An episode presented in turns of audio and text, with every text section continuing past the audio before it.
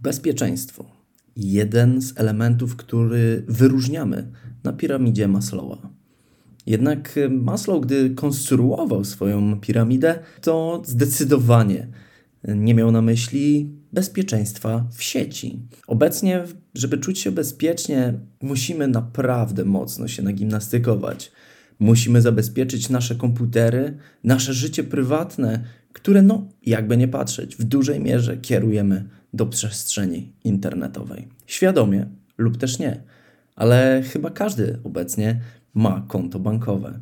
Dziś w odcinku porozmawiamy o bezpieczeństwie, o bezpieczeństwie w świecie wirtualnym, czyli cyberbezpieczeństwie, w którym to nie tylko dobry klucz i zamki oraz zabezpieczenia do okien gwarantują nam pełne bezpieczeństwo. Porozmawiamy, jak zabezpieczyć swój komputer, swój system i swoją prywatność w sieci.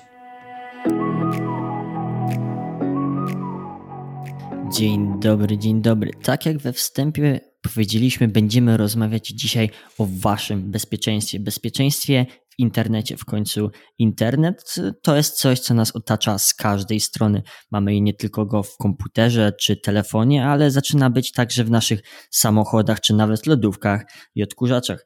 Ale czy to oznacza, że umiemy korzystać z internetu i czy umiemy się po nim poruszać w bezpieczny sposób? O tym właśnie będziemy rozmawiali z naszym gościem, czyli panem doktorem Adrianem Kapczyńskim z Katedry Zastosowań Matematyki i Metod Sztucznej Inteligencji. Pasjonat informatyki, działacz społeczny, założyciel portalu tematycznego poświęconego biometrii. Dzień dobry, panie doktorze. Dzień dobry, panowie. No właśnie, a propos bezpieczeństwa, Oczywiście pierwsze, co nam przychodzi do głowy, to hasło. Hasła mamy na każdym możliwym portalu, na którym jesteśmy. Więc pytanie moje pierwsze jest, jakie są najlepsze hasła? I oczywiście mówimy tutaj o takim ciągu znaków, e, ale czy może lepszym jest menedżer haseł, czy coś, co staje się coraz popularniejsze, czyli właśnie biometria? No, coraz więcej telefonów, jeżeli nie już większość, ma na przykład odciski palców. Może i one są lepsze od takiego, nazwijmy to, standardowego hasła. Jak to wygląda? To jest bardzo dobre pytanie. Odpowiem na nie krótko i konkretnie. Najlepsze hasła to są te, które są generowane nie przez człowieka, a przez maszynę. Oczywiście zakładam, że maszyna korzysta z takiego algorytmu, który przewiduje tworzenie takich haseł, które spełniają określone kryteria odnośnie do siły bezpieczeństwa takiego hasła. Czyli wszystkie te wytyczne, które my byśmy sobie zastosowali, jeszcze patrząc historycznie, o tym, że ma być mała litera, wielka litera, znak specjalny, cyfra, dalej wykluczenia, tak żeby nie było ciągów, które znajdziemy w słowniku i tak dalej. Myślę, że to wszystko da się zastąpić jednym apelem o to, żeby stosować menedżery haseł. Co do biometrii jako metody uwierzytelniania, czy w zasadzie całej grupy metod uwierzytelniania, to jest odrębna kategoria, czyli warto zwrócić uwagę już na początku, samo uwierzytelnianie realizowane w oparciu o hasła, to jest ta pierwsza grupa metod, mamy metody oparte o materialne identyfikatory, to jest druga grupa metod i trzecia jest oparta o cechy anatomii i zachowania. Myślę, że biometria, a zajmuje się tą znakomitą subdyscypliną już od ponad 20 lat, dojrzała do tego, żeby praktycznie z niej korzystać nie tylko dla potrzeb domowych, ale także dla potrzeb profesjonalnych. Proszę nam powiedzieć, czy w takim razie to, że dziś dosłownie update'owałem mój telefon, fakt, że już mój, mój telefon jest zdolny do tego, żeby rozpoznawać moją twarz w masce, Fakt, dwa i pół roku już z pandemią, co prawda, walczymy, ale dopiero w tym momencie jest w stanie. Czy to znaczy, że te algorytmy się tak mocno zmieniły, musieli tak mocno zmienić, żeby tylko na podstawie oczu identyfikować jedną osobę, bo chyba jesteśmy bardzo podobni. Jak, jak, taka biometria w takim razie działa? Pytanie jest y, bardzo ciekawe i jednocześnie zdaję sobie sprawę, że mamy pewne limity czasowe odnośnie do naszego spotkania. Ja może nawiążę do, do konkretu. Zatem tak, urządzenia mobilne, niektóre już posiadają taką możliwość, żeby zweryfikować tożsamość w oparciu o cechy anatomii twarzy, takiej twarzy, która również jest zakryta przez środki ochrony osobistej, na przykład taką klasyczną maskę. Oczywiście, że tak. Dalej, oprócz tych cech, które dotyczą twarzy, mamy jeszcze cechy, które dotyczą anatomii tęczówki oka. To jest odrębna metoda, z której możemy korzystać i korzystamy już od dłuższego czasu. Oczywiście zależy o którym urządzeniu mobilnym mówimy. Czy te algorytmy się rozwinęły? Tak, rozwinęły się bardzo i rozwijają się nadal. To jest bardzo podobnie jak w przypadku biometrii sygnału mowy, kiedy to zaczęliśmy od bardzo prostych interfejsów głosowych, a dzisiaj mamy rozwiązania, które sobie radzą nawet w dosyć skomplikowanych okolicznościach, w dosyć trudnych, wymagających warunkach to, co możemy sobie wykorzystać na dobry początek, to nasi asystenci, którzy mogą nam no, dopomóc. No właśnie, ten asystent jest oczywiście przygotowany po to, żeby słuchać mnie i tylko mnie, z wyłączeniem mojej żony i moich ukochanych dzieci, których oczywiście bardzo zapraszam do korzystania z tych nowinek, ale są takie elementy infrastruktury, które powinny słuchać głównego administratora. Jest też zapasowy administrator, no ale o nim dzisiaj nie będziemy mówili. Pigułce. Biometria ma się bardzo dobrze, bardzo mnie też cieszy, że po tak wielu latach wreszcie możemy mówić o zastosowaniach, no i nadal jednak e, takich półprofesjonalnych, bo te w pełni profesjonalne zakładam na szeroką skalę już niebawem, ale jeszcze przed nami. W jaki sposób w takim razie hakerzy, czy krakerzy może bardziej, osoby wykradają tak na dobrą sprawę te wszystkie hasła? Czy da się w jakiś sposób zabezpieczyć tak naprawdę? Czy są jakieś twarde metody, które gwarantują to, że nasze hasła będą bezpieczne? Co do haseł, bo rozumiem, że teraz ze świata biometrii wracamy do metod opartych o wiedzę. Jasne, rozumiem i teraz Zaczynamy od podstaw. Zatem zaczynamy od miejsca przechowywania tych haseł. Jeżeli one, te hasła, znajdują się w jakiejś bazie danych i dostęp do tej bazy danych jest odpowiednio zabezpieczony, wcześniej mówiliśmy sobie o menedżerach haseł, no to cóż, siła zabezpieczeń tej bazy danych będzie decydowała o tym, jakie wymagania trzeba spełnić, aby uzyskać dostęp do tych zachowanych sekretów. I teraz jeszcze jest kluczowe to, jak już uzyskamy dostęp do tej bazy danych, w jakiej postaci przechowywane są te sekrety.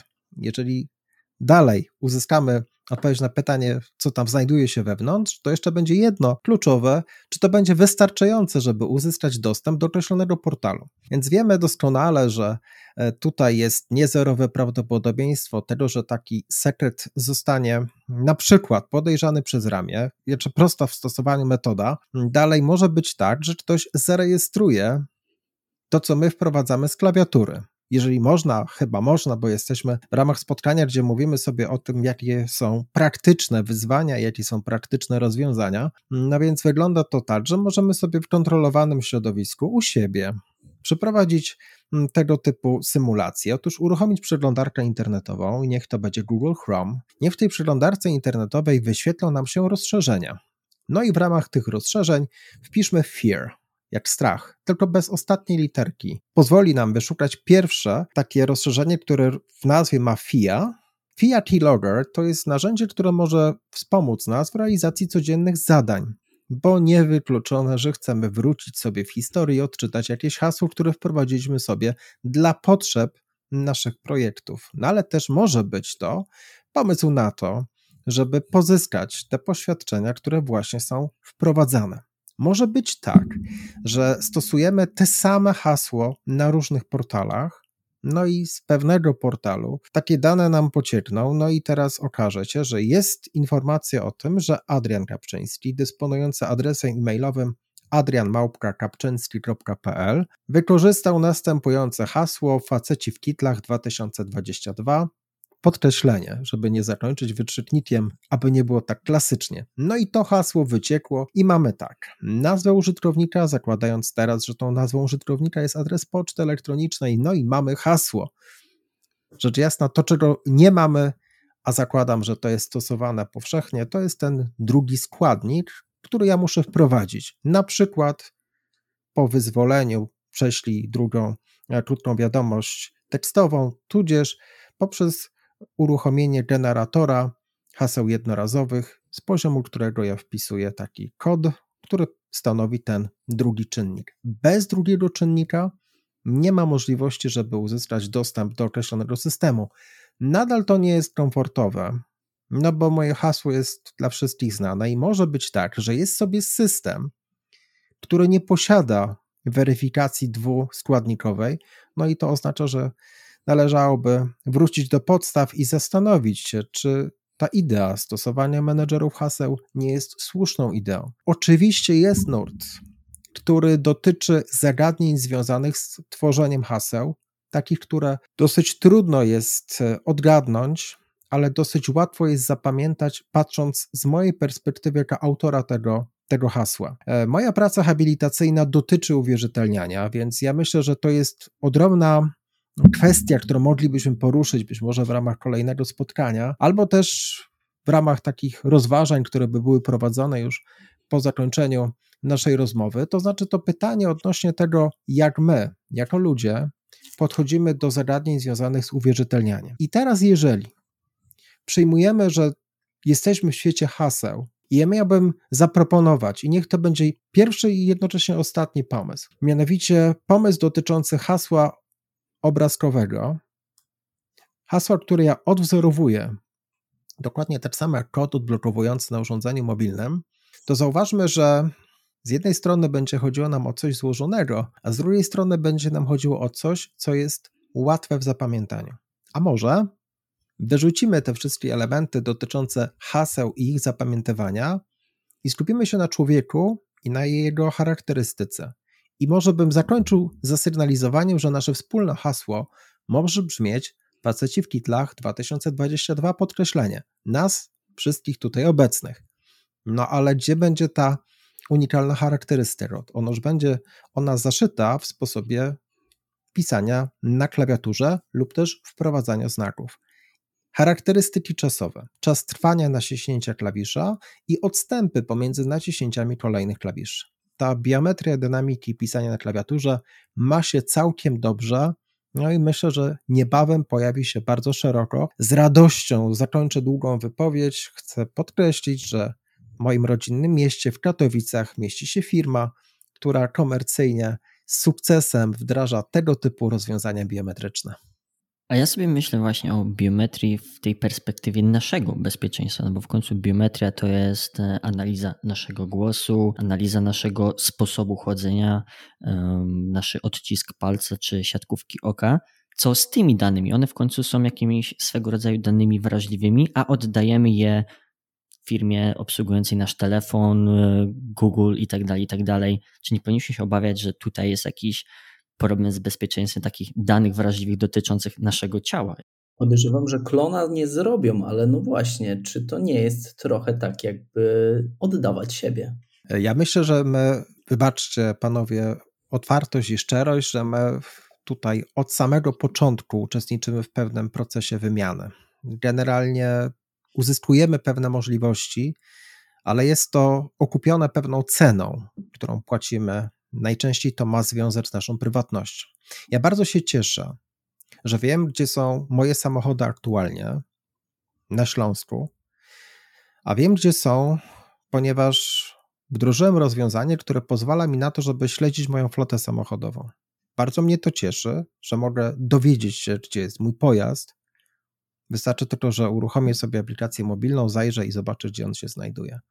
Ale zauważmy, że te dane są również w rękach podmiotu, któremu ufamy.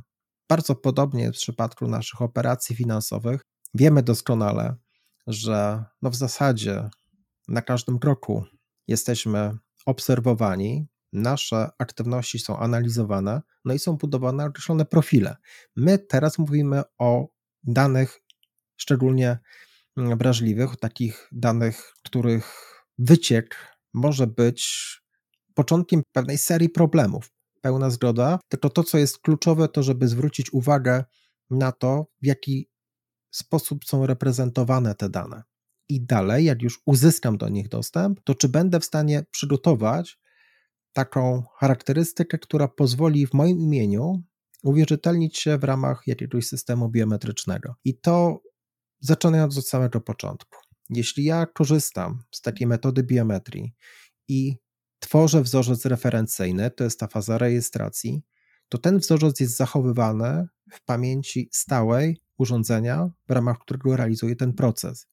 Ja teraz zawężam do świata rozwiązań mobilnych. Ale gdyby się przenieść świat rozwiązań takich stacjonarnych, jak na przykład może to mieć miejsce w firmie w przypadku kontroli fizycznej czy kontroli logicznej, no to może to być repozytorium lokalne, może to być repozytorium zdalne i kluczowe jest to, żeby zadbać o bezpieczeństwo tych przesyłanych i przechowywanych danych. Pełna zgoda. Natomiast bądźmy też świadomi, to jest ta kropka nad i, że te wymogi, o których mówimy, są odpowiednio adresowane już od wielu, wielu lat. Natomiast oczywiście trzeba wyraźnie podkreślić, że jest taka pula rozwiązań, która jest niedoskonała, dalece niedoskonała od standardów, o których powinniśmy mówić jako obowiązujące, jako absolutne minimum, które przewidują to, że my możemy wejść w interakcję z takimi systemami, wykorzystać modalność, pozostawić dane biometryczne, a te dane biometryczne, no cóż, ponieważ nie spełniają określonych wymagań, niewykluczone, że będą w postaci obrazów, które później można wykorzystać z kolei w innym systemie, który również może nie przewidywać takich metod, algorytmów, które pozwalają na detekcję fałszywej e, charakterystyki biometrycznej. Mówiąc na wprost, słabej jakości system biometryczny może pozwolić na pozyskanie danych, które ktoś wykorzysta w systemie biometrycznym, który również będzie niższej jakości, no i cała sztuka sprowadza się do tego, żeby pamiętać o tych kryteriach, no i stosować takie rozwiązania i wchodzić w interakcję z takimi rozwiązaniami, które spełniają określone wymogi. Ja się zastanawiam nad jeszcze jedną ważną kwestią, bo fakt faktem ludzie potrafią w bardzo przeróżny sposób utracić swoje hasła. E, I pewnie najczęściej tracą hasła nie w wyniku tego, że ktoś im ukradł hasło, ale że po prostu mm, oni przez swoją niewiedzę czy nieuważność te hasła w jakiś sposób udostępnili. I o jakim sposobie e, udostępniania myślę? Najczęściej pewnie wchodzili na jakieś strony, które mogą właściwie śledzić e, chociażby właśnie użytkownika i dostawać się kolokwialnie tutaj cudzysłów do naszego komputera. I moje pytanie brzmi, czy idzie jakoś rozpoznać, które ze stron są stronami na przykład niebezpiecznymi, czy jakieś aplikacje, które są właśnie niebezpieczne, czy jest to w zasadzie niemożliwe, żeby w prosty sposób rozpoznać takie strony? I od razu jeszcze pytanie drugie, czy są oznaki jakieś tego, że nasz komputer na przykład został zhakowany? Tak, dwa pytania i to takie obszerne pytania, ale ja postaram się tak w rozsądnie czasowy sposób odpowiedzieć. Zatem e, pytanie pierwsze odnośnie tego badania reputacji witryn internetowych. To może zwrócę uwagę, że mamy de facto dwa poziomy. Poziom pierwszy to jest poziom maszyny. Maszynę wyposażonej przeglądarkę internetową, która, bo to trzeba też podkreślić, może jeden mieć określony silnik w określonej wersji z określoną funkcjonalnością, która będzie dbała o to, że w sytuacji, kiedy dzieje się coś niepożądanego, my zostaniemy poinformowani o tym, że należy zachować szczególną ostrożność. To samo dotyczy poczty elektronicznej. I drugi bardzo ważny punkt to jest wszystko to, co jest serwowane w postaci rozszerzeń dla takiej przeglądarki internetowej. To po stronie warstwy mm, sprzętu i oprogramowania. I teraz jeszcze warstwa, ta, którą my reprezentujemy jako ludzie. To jest, uważam, taki must have, taki obowiązkowy punkt w ramach każdego podmiotu, gdzie budujemy świadomość w zakresie bezpieczeństwa. Chodzi o to, żeby popracować nad czymś takim jak odporność na ataki phishingowe. I teraz nie powinno to być wyłączeń. Znaczy, dotyczy kadry zarządzającej, dotyczy ludzi zajmujących się cyber, dotyczy ludzi z IT, dotyczy ludzi, którzy nie mają nic wspólnego z informatyką czy cyberbezpieczeństwem. Generalnie kluczowa zasada jest taka, że wszyscy jesteśmy podatni. Tak licząc również ludzi, którzy zawodowo zajmują się określoną problematyką. To jest tylko pytanie o to, jakie warunki muszą być spełnione, żeby udało się złowić mnie jako, jako osobę, która pytanie, jakie działanie wykona. Czy ja tylko i wyłącznie aktywuję link, to być może już będzie ten wystarczający element w ramach, w ramach tego procesu, czy też nie tylko aktywuję link, ale wykonam dalsze działania.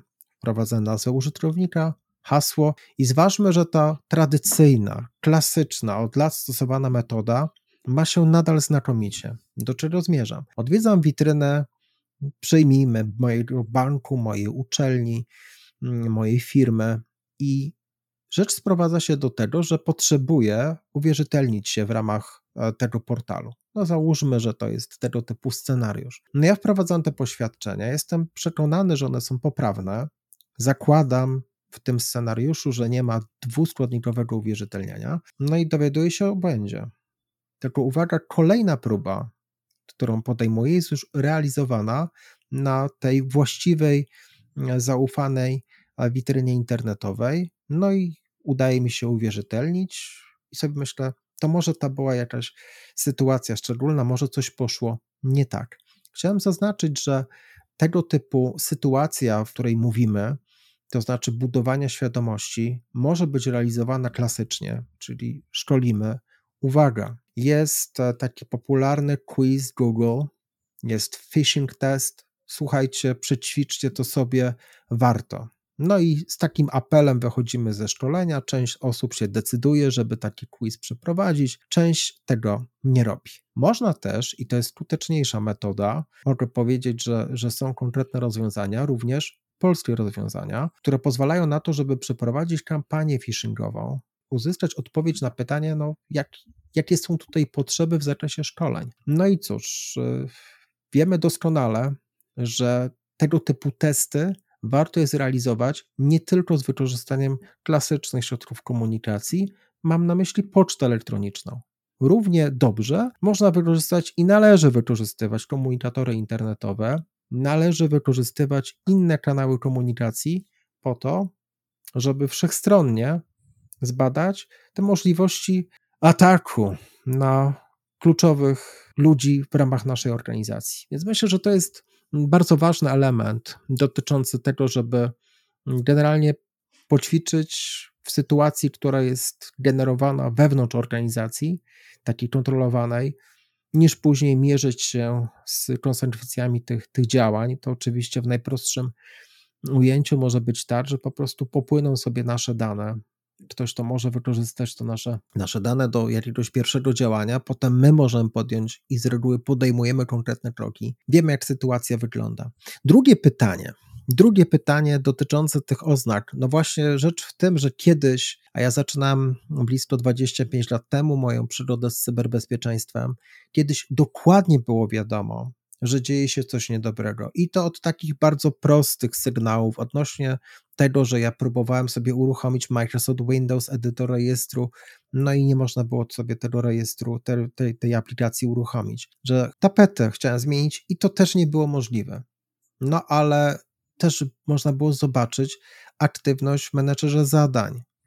Można było zobaczyć niechciane procesy, można było zobaczyć i usłyszeć że te nasze wolne dyski twarde nagle ponadaktywnie, ponadnormatywnie pracują.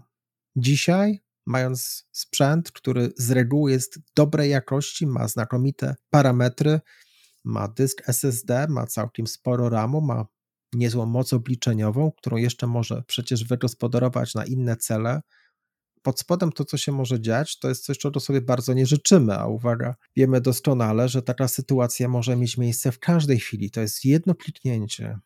Jeżeli chodzi o pocztę elektroniczną czy wiadomość przesłaną komunikatorem, mowa o atakach wymuszających okup. Ataki ransomware przecież są zagrożeniem, które powinno być klasyfikowane przez departamenty zajmujące się bezpieczeństwem w top 3 najważniejszych zagrożeń, które mogą wystąpić w organizacji. I kluczowa kwestia, jak ja już jestem świadomy tego, że to może się zmaterializować, że może to być niewidoczne dla mnie, to dla użytkownika, to muszę wdrożyć odpowiednie mechanizmy, które pozwalają mi na to, żeby taką detekcję przeprowadzić. No i tutaj dobra wiadomość. W systemach operacyjnych są już stosowane, teraz wychodzę poza świat Microsoft Windows, ale w samym Microsoft Windows również, konkretne rozwiązania, które już są na tyle dojrzałe, pracują w oparciu o takie metody, że my jako użytkownicy końcowi możemy być, e, możemy czuć się bezpieczni, ale pamiętając, że ataki dnia zerowego były, są i będą nieuchwytne nawet dla najlepszych multisilnikowych rozwiązań antywirusowych i też takich, które chronią nasze urządzenie końcowe, nie tylko jeżeli chodzi o programowanie złośliwe. To jest też dosyć istotna kwestia. Myślę, że to należy skonkludować w ten sposób. Jeżeli nie uda nam się wychwycić tej niechcianej aktywności, no to bądźmy świadomi, że określone oprogramowanie złośliwe zaczęło swoją aktywność w pewnym punkcie w czasie, więc trzeba by wziąć wehikuł czasu, teraz nawiązuje do rozwiązań firmy Apple, taki time machine, no i przenieść się do określonego punktu w czasie, przywrócić z zapasowej i pracować na tych danych. Są też tacy, którzy pracują w ten sposób, niż sobie zupełnie od samego początku przygotowują środowisko, dane pobierają sobie z zewnętrznego repozytorium, z chmury, no i gotowe, tak, możemy działać. Proszę nie zapominajmy, że oprócz systemu operacyjnego, no i tych danych jeszcze jest miejsce na warstwę aplikacji, a niejednokrotnie jest to spory mm, wysiłek, który trzeba włożyć i też ten czas, który jest niezbędny, żeby odpowiednio skonfigurować te aplikacje. Wywołał Pan najważniejszą burzę. Mianowicie chciałbym zapytać, bo istnieje spór, myślę, że między fanatykami jabłka, a tymi, którzy są fanatykami okien. Czy któreś z tych urządzeń, w sensie oprogramowań w zasadzie, firm, powiedzmy koncernów, może Pan powiedzieć, że któreś z tych koncernów jest bezpieczniejsze, czy raczej jest to po prostu taka zagrywka, którą często ci fanatycy jabłuszka mówią, że a, to my jesteśmy bezpieczniejsi. No rzeczywiście, to jest temat na, na bardzo fajną dyskusję i też najlepiej, aby to była dyskusja merytoryczna. Oczywiście, że tak, taka oparta o, o konkretne e, argumenty. Ja może powiem w ten sposób. Tutaj trzeba by na samym początku odpowiedzieć sobie na pytanie, co jest przedmiotem naszej analizy. Jeżeli przyjmiemy, że mowa o urządzeniach końcowych jeżeli przyjmiemy, że mowa o komputerach przenośnych i na jednym z tych komputerów e, będzie Microsoft Windows 11, na drugim będzie macOS Monterey, ten najświeższy odsłonie z aktualizacjami, myślę, że mówimy o równorzędnych graczach. I teraz tylko to pytanie, które się pojawia jako ekstra, to jest pytanie o to, jakie są szczegóły co do zastosowań tych systemów operacyjnych. No bo panowie, jeżeli by przyjąć takie założenie, że to jest mój terminal, to jest moja wysunięta klawiatura, monitor i touchpad, no to możemy przyjąć, że ja sobie, o, popracuję w przeglądarce internetowej, uruchomię klienta terminalowego, no i już jestem w zupełnie innym środowisku, w ramach którego będę pracował i będę eksperymentował. Więc ja chciałbym zaznaczyć, że tutaj naprawdę jest wiele takich e, kwestii, które trzeba było rozstrzygnąć, żeby na koniec przedstawić ten werdykt. Dla mnie dzisiaj to są środowiska równorzędne, aczkolwiek pamiętajmy, że same środowiska, czyste systemy operacyjne po utwardzeniu jeszcze wchodzą w interakcję, w interakcję z aplikacjami, które instalujemy z różnych źródeł. No i to jest dokładnie jak w przypadku urządzeń mobilnych. Kiedy patrzę na, na rozwiązania firmy Apple i widzę App Store, ja wiem, jakie są wytyczne i wiem, jakie są wymogi dla programistów, które musimy spełnić, żeby ta apka się pojawiła w tym sklepie. I widzę, jak to jest dla, dla świata rozwiązań opartych o, o, mobilny system operacyjny Android, ja teraz zawężę tylko do tych dwóch głównych graczy, no to wygląda na to, że jeśli chodzi o świat ten rozwiązań opartych o Androida, no to tam jest większe prawdopodobieństwo, że przemycimy coś takiego, co nie będzie zaufane. Ale tutaj wracamy z kolei jeszcze do jednej ścieżki, która jest bardzo często eksploatowana. Mianowicie mam zaufane aplikacje, zaufanego producenta, ale uwaga, aktualizacja przebiega najczęściej w takim oto wydaniu, że no, mamy rezultat niepożądany u siebie. Czyli jeszcze raz, baza jest jak najbardziej w porządku, ale po aktualizacji okazuje się, że jest coś ekstra, czego sobie nie życzymy. To jest dokładnie tak samo, jak mówi się o pracy z urządzeniami wielofunkcyjnymi w firmach trzecich. Wraca z naprawy nasze Xero, warto jest się przyjrzeć, jaki jest ten stan po powrocie. Ja żadnej firmie zewnętrznej niczego nie zarzucam, ale zdrowy rozsądek wymaga postawić pytanie odnośnie tego, czy oprogramowanie mikroukładowe, które trafiło do nas, jest oprogramowaniem, które jest zaufane. Dokładnie, panowie, tak jak w sytuacji, kiedy ja pobieram sobie obraz płyty z systemem operacyjnym, może przyjmijmy, żeby to był CubeOS, mowa dzisiaj o bezpieczeństwie. To jest taki świetny system operacyjny, który może być przygotowany również przez osoby, nazwijmy to wątpliwej reputacji, które, no cóż, powiedzą, proszę, oto plik ISO, proszę pobrać, uruchomić, zainstalować. Tyle, że ten akurat ten nośnik, który pobraliśmy, a w praktyce to jest obraz tego nośnika, niestety nie jest zaufany. Skąd wiem? Że nie jest zgodne z tymi założeniami, które zostały przygotowane przez autora? Otóż ja pobieram nie tylko sam plik, ale także sumę kontrolną. No i sobie weryfikuję po pobraniu takiego pliku, czy te sumy kontrolne się zgadzają, czy nie. I kończę zwróceniem uwagi, że i sumę kontrolną można mm, zmodyfikować, wszak jest to tylko ciąg znaków widoczny na witrynie internetowej. Przepraszam, bo zdaję sobie sprawę, że teraz już poszliśmy jak w incepcji, tak, w kolejny poziom głębiej, ale praktyka pokazuje, że to tak silnie zależy od tych rozważań, e, które prowadzimy, od tych warunków, które, które przyjmiemy. Gdybym miał to zrekapitulować, Myślę, że gdyby postawić 10 bezpieczników, ja byłbym jednym z nich, no to 7 na 10 zapytanej, jaka jest jego bazowa maszyna, no powie, że jest to Mac. Myślę, że to tak właśnie wygląda i pamiętajmy również, że bardzo ważne kwestie dotyczące tego, co oferuje system operacyjny. To jest jedno, dostępność dojrzałych aplikacji, to drugie, no i trzecie, od samego początku Mac był budowane jako rozwiązanie zamknięte. No i tutaj też jest dla nas ta silna strona z perspektywy bezpieczeństwa, no i też ta słaba strona, kiedy chciałbym na przykład jakąś tam modyfikację powprowadzać, to ja w tym urządzeniu mobilnym nie za bardzo tego mm, uczynię. Oczywiście są też przykłady rozwiązań, które nie pracują na macOSie i też raczej tam zbyt dużych modyfikacji nie, nie wprowadzę. Rekapitulując, myślę, że gdybym miał zagłosować, tak, i miałbym tylko jeden głos, no to postawiłbym na macOS. Czarek, Czarek tutaj jako fanatyk jabłka się cieszy. Jestem, jestem najbardziej szczęśliwy w tym momencie. E, nie, no oczywiście żartuję, jakby ja sobie zdaję sprawę, że ja błędnie zaformułowałem pytanie. Ja, my rozmawiamy z programistą, więc to pewnie co, Ubuntu pewnie byłby jakiś najlepszy, albo, albo nie wiem co. Nie ciągnijmy tego tematu, bo pewnie by można było o samych systemach operacyjnych jeszcze długo porozmawiać. Myślę, że tak. Myślę, że tak, ale jeżeli można jednak ten CubeOS e, Asi Rutkowskiej e, zarekomendować, to jest, to jest nasze dzieło, tak? Asia Rutkowska jest, jest Polką, a jej Invisible Things Lab jest nadal aktywny. A ja może tylko o jednej takiej ważnej kwestii powiem. Ten system jest nieodpłatny. I dalej możemy wewnątrz tego systemu uruchamiać takie efemeryczne maszyny wirtualne, które posłużą do realizacji jednego zadania i zakończą swój żywot. Myślę, że to jest kluczem w kontekście bezpieczeństwa, żeby korzystać z tej idei czegoś, co jest aktywne tylko raz. To tak jak hasła jednorazowe, dokładnie tak jak nasze karty, którymi płacimy w internecie. Wyobraźmy sobie, nie ma co sobie wyobrażać, wystarczy uruchomić sobie upgrade, wygenerować kartę kredytową i zapłacić raz i powiedzieć, dobrze, no możecie przechwycić dane dotyczące tej karty, ale karta już jest nieaktywna, ona była jednorazowego użycia. To jest idea taka fundamentalna, ale ona świetnie działa. CubeOS to jest taka moja serdeczna rekomendacja dla wszystkich naszych słuchaczy, dla panów również. Myślę, że warto jest sięgać po nowe, a to jest stale rozwijany system. Bardzo go polecam.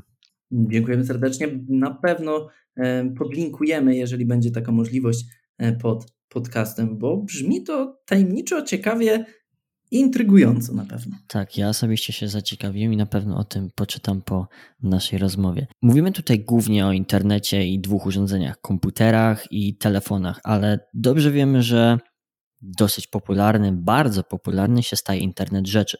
Coraz więcej rzeczy, tak jak we wstępie mówiłem, mamy podłączone do sieci i ma coraz więcej czujników, e, mikrofonów, kamerek, e, laserów. Mamy samochody, lodówki, odkałużacze. I co z tymi urządzeniami? Czy my możemy w ogóle im ufać? Czy można je schakować? Pamiętam, że spotkałem się z informacją, nie wiem na ile ona jest prawdziwa. Jedne z służb specjalnych schakowały auto, które było właśnie dosyć mocno podłączone już do elektroniki i po prostu zablokowali hamulce temu autu i ten ktoś, oczywiście był tam przeciwnikiem, że tak powiem, tych służb specjalnych zginął. Więc czy rzeczywiście jest tak, że w nowych autach powinniśmy się obawiać hakerów równie dobrze jak w stosunku do naszych komputerów? Krótko odpowiadając tak, internet rzeczy wszedł pod strzechy. Rozwiązania meszowe myślę, że są w każdym domu jeżeli chodzi o elektronikę użytkową. Znaczy mnie bardzo cieszy, że, że ten mój dom tak bardzo mnie wspiera w realizacji codziennych zadań. Przyznaję, jestem fanem nowych rozwiązań.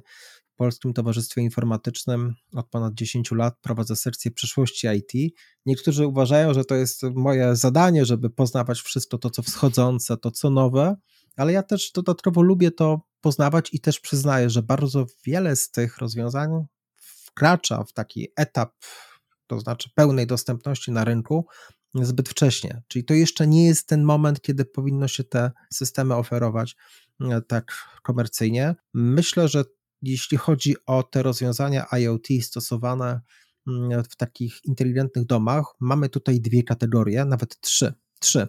Pierwsza kategoria to będą takie, no jak to nazwać, autonomiczne rozwiązania, tak jak ten asystent głosowy, który nic innego nie robi, jak to, że odpowiada mi na postawione pytania. Oczywiście ja uprościłem, bo tam się dzieje coś więcej, ale możemy sobie wyobrazić, że ta pierwsza grupa to są takie, takie autonomiczne, takie pojedyncze punkty.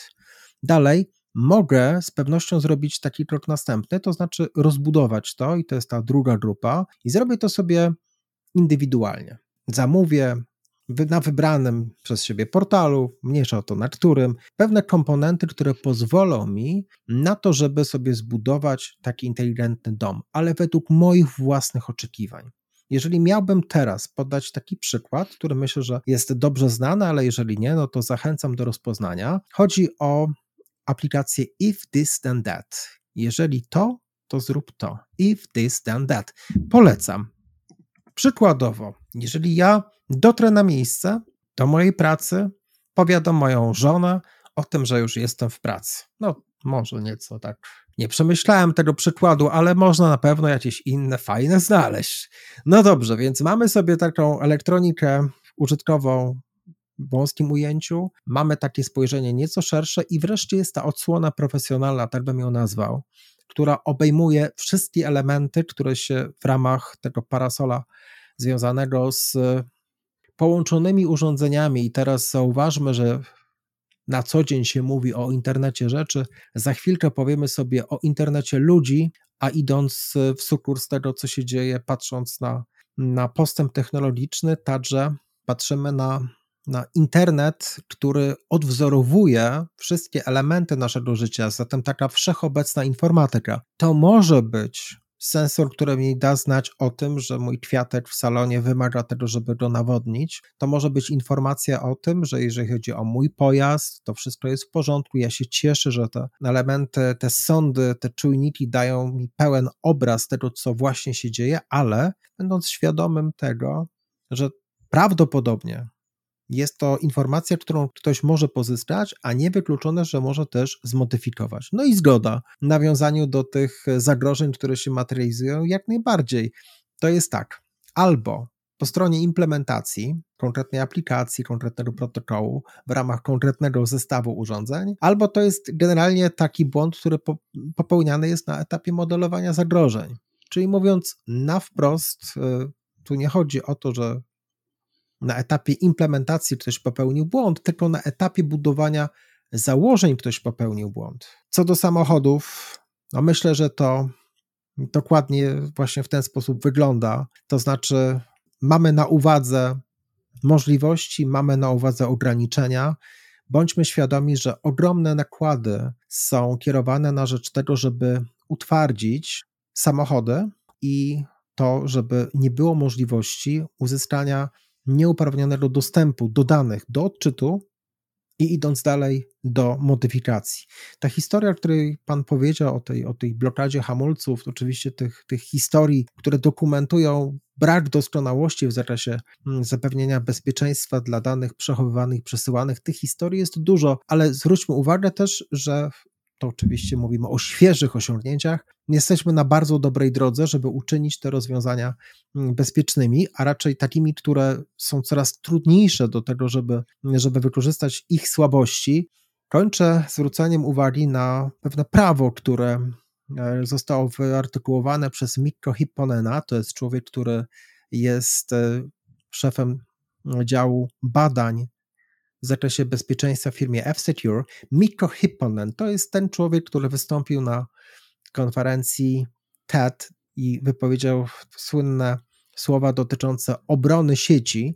To właśnie Mikko Hipponen sformułował prawo, które mówi o tym, że wszystko, co jest inteligentne, jest to także podatne. Zatem dowolny z tych inteligentnych zegarków, którego teraz korzystam, dowolne z urządzeń, które jest tutaj wokół mnie, jest podatne. Niektóre z tych urządzeń nie są osiągalne na wprost. Ten inteligentny pierścień, który mam na palcu, nie ma adaptera sieciowego, natomiast można by sklonować jeden z tych trzech interfejsów i wykorzystać je dalej w realizacji jakiegoś ataku. Pytanie oczywiście o scenariusz. Tak i na samym końcu pamiętajmy, że jest człowiek, taki jak ja, któremu zależy na najbliższych. No i pytanie, jakie metody zostaną wykorzystane względem mnie, po to, żeby, no cóż, otworzyć wszystkie zamki, które są zamknięte, mając na uwadze kwestię dotyczącą bezpieczeństwa. Ja wiem, że tak zakończyłem nieco pesymistycznie, ale, ale tak wygląda prawda w tej materii. Niestety ten człowiek, który jest istotnym elementem, też można pewne przeciwmiary wprowadzić, a wszystkim naszym słuchaczom i panom również polecam odświeżenie filmu Firewall z Harrisonem Fordem. Znakomity film, który pokazał właśnie, jak wygląda ten scenariusz odnośnie tego, że my, uwaga, bezpieczeństwo techniczne, mamy na znakomitym poziomie, ale jest, uwaga, człowiek, ludzie, przez których można uczynić pewne zabezpieczenia nieaktywnymi. Tak, ja pamiętam właśnie pewną książkę o jednym z najbardziej znanych hakerów, który mówi właśnie, że Niektóre zabezpieczenia są tak genialne, że on nawet nie ma co do nich podchodzić, ale zawsze jest człowiek, którego z łatwością jest e, w stanie ominąć i to on jest najczęściej tym słabym elementem zabezpieczeń. I przepraszam, ale ja muszę zapytać, ale do czego ten pierścień, e, który pan ma, służy? Okej, okay. mówiliśmy o metodach uwierzytelniania, tak oparte o hasła, o hasła o posiadanie oraz o cechy anatomii zachowania. To jest ta druga grupa metod. To jest nic innego jak odpowiednik karty zbliżeniowej tak jak wjeżdżam na parking firmy, tak korzystam z takiej klasycznej karty zbliżeniowej, tak jak wchodzę do mojego laboratorium, mam uaktywnić pewien element mojej kontroli dostępu, no to wykorzystuję do tego właśnie ten interfejs. Potrzebne też jeszcze jest wprowadzenie hasła.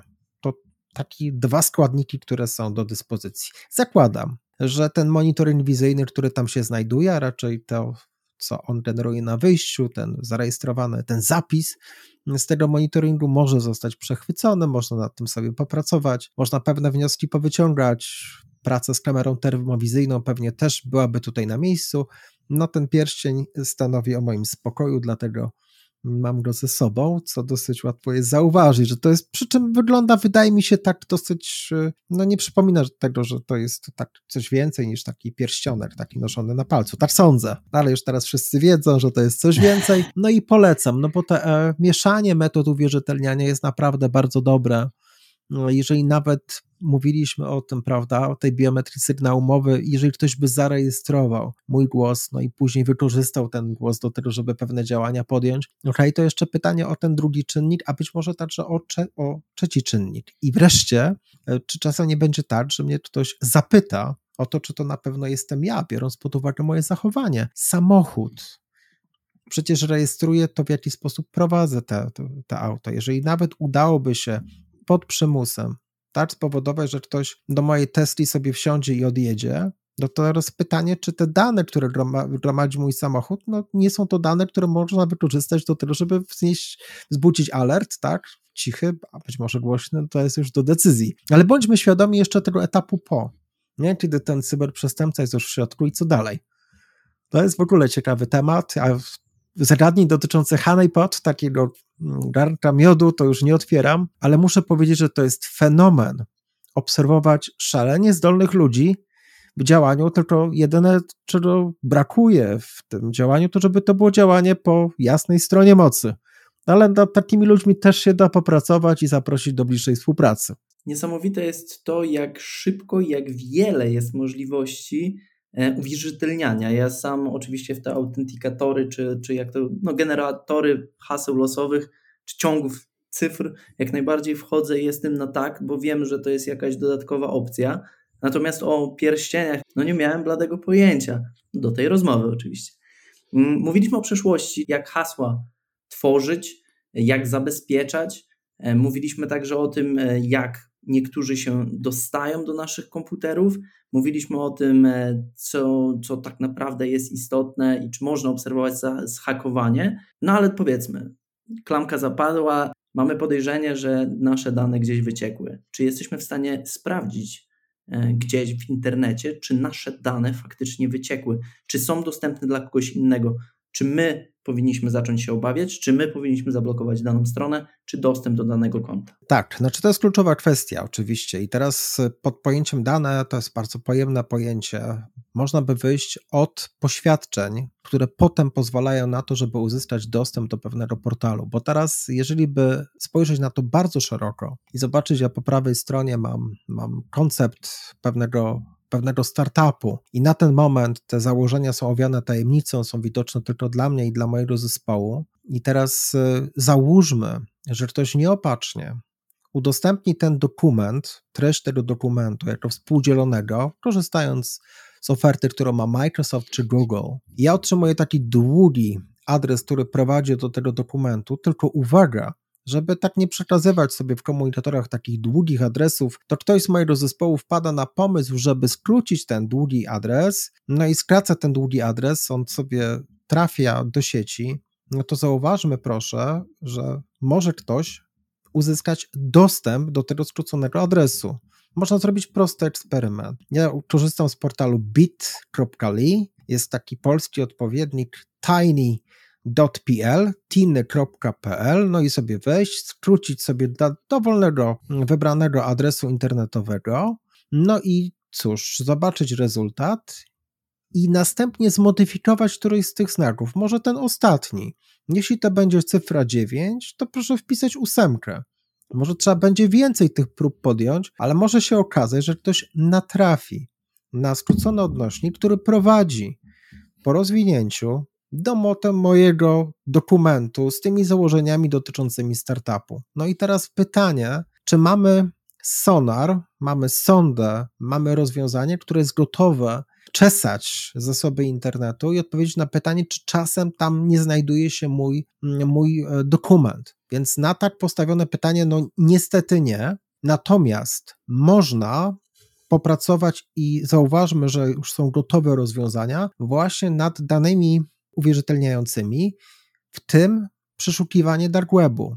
No i teraz wracamy do pytania, jak menedżer, menedżery haseł, które pilnują, znaczy dają nam możliwości generowania tych haseł i stosowania ich, to po pierwsze, a po drugie zwróćmy uwagę na to, że również monitorują wykorzystanie tych, mm, tych poświadczeń, czyli jeśli chodzi o pewien wycinek tych danych, tak, natomiast pozostałe, zauważmy, no zagadnienia są niestety na ten moment poza zakresem naszych możliwości. I kropka na D. Jakże istotna kwestia. Zauważmy, jeśli pojawi się coś w sieci, nawet na krótko, może być zachowane przez pająka, który sobie spaceruje, utrwalone w archiwum internetu. Nie tak dawno jedna z podkomisji opublikowała, zakładam, niecelowo pewne dokumenty z pewnymi zdjęciami, bardzo szybko usunięto plik z tej lokalizacji, która była publicznie dostępna, ale zauważmy, że nie usunięto z archiwum internetu. Czyli każdy, kto korzysta z archive.org, z tego jaczystanego portalu, może sięgnąć i zajrzeć i poczytać. To też jest szalenie istotne. Dlaczego? Dlatego, że ten kontekst naszych rozważań odnośnie tego, tych danych, które zostały wykorzystane czy pozyskane, może być zrealizowany właśnie w tak prosty sposób. To znaczy, my sobie poczytamy w tym, co publicznie dostępne. Czasami zapominamy zabezpieczyć. Jest taka witryna dogsearch.com, też myślę, że warto będzie podać ten, ten odnośnik, która pozwala nam na to, żeby sobie skonstruować zapytanie i szukać w tym, co w znakomitej większości przypadków nie powinno być publicznie dostępne. No i tak się okazuje, że mam sobie dane dotyczące mojej biblioteki książek elektronicznych. To są moje książki elektroniczne. I teraz pytanie, czy to było celowe, czy to było niecelowe, ale okazuje się, że ktoś, kto korzysta z Google, może sobie wyszukać na moim portalu pliki PDF, pozyskać je, no i być może dystrybuować dalej. Źródłem jestem ja. To było, to było przeoczenie. Ja nie zadbałem o konfigurację w zakresie zabezpieczeń wirtualnego katalogu z tymi plikami. Bardzo często to występuje. Nie ta idea, która jest bardzo prosta. Dbamy o bezpieczeństwo do pewnego etapu, później zapominamy lub też zostawiamy to na później, no i wtedy ktoś uzyskuje dostęp do tych zasobów. Dzisiejszy odcinek daje do myślenia. Daje do myślenia, należy pochylić się nad zagadnieniem cyberbezpieczeństwa, bo my, w momencie, gdy wpinamy się do tego internetu, gdy logujemy się na różne strony, nie jesteśmy już anonimowi. Stajemy się dostępni dla wielu innych osób. Dzisiejszy podcast nauczyć może Was między innymi tego, w jaki sposób zabezpieczyć się, żeby nasza prywatność, nasze prywatne życie nie zostało wykorzystane przez kogoś innego. Ta wiedza, która wypłynęła z dzisiejszego spotkania, przyda Wam się i że nie przydarzy Wam się ani razu i nigdy więcej sytuacja, kiedy to będziecie musieli zmieniać hasła, bo ktoś właśnie dostał się na Wasze konto. Dziękuję bardzo. Do usłyszenia.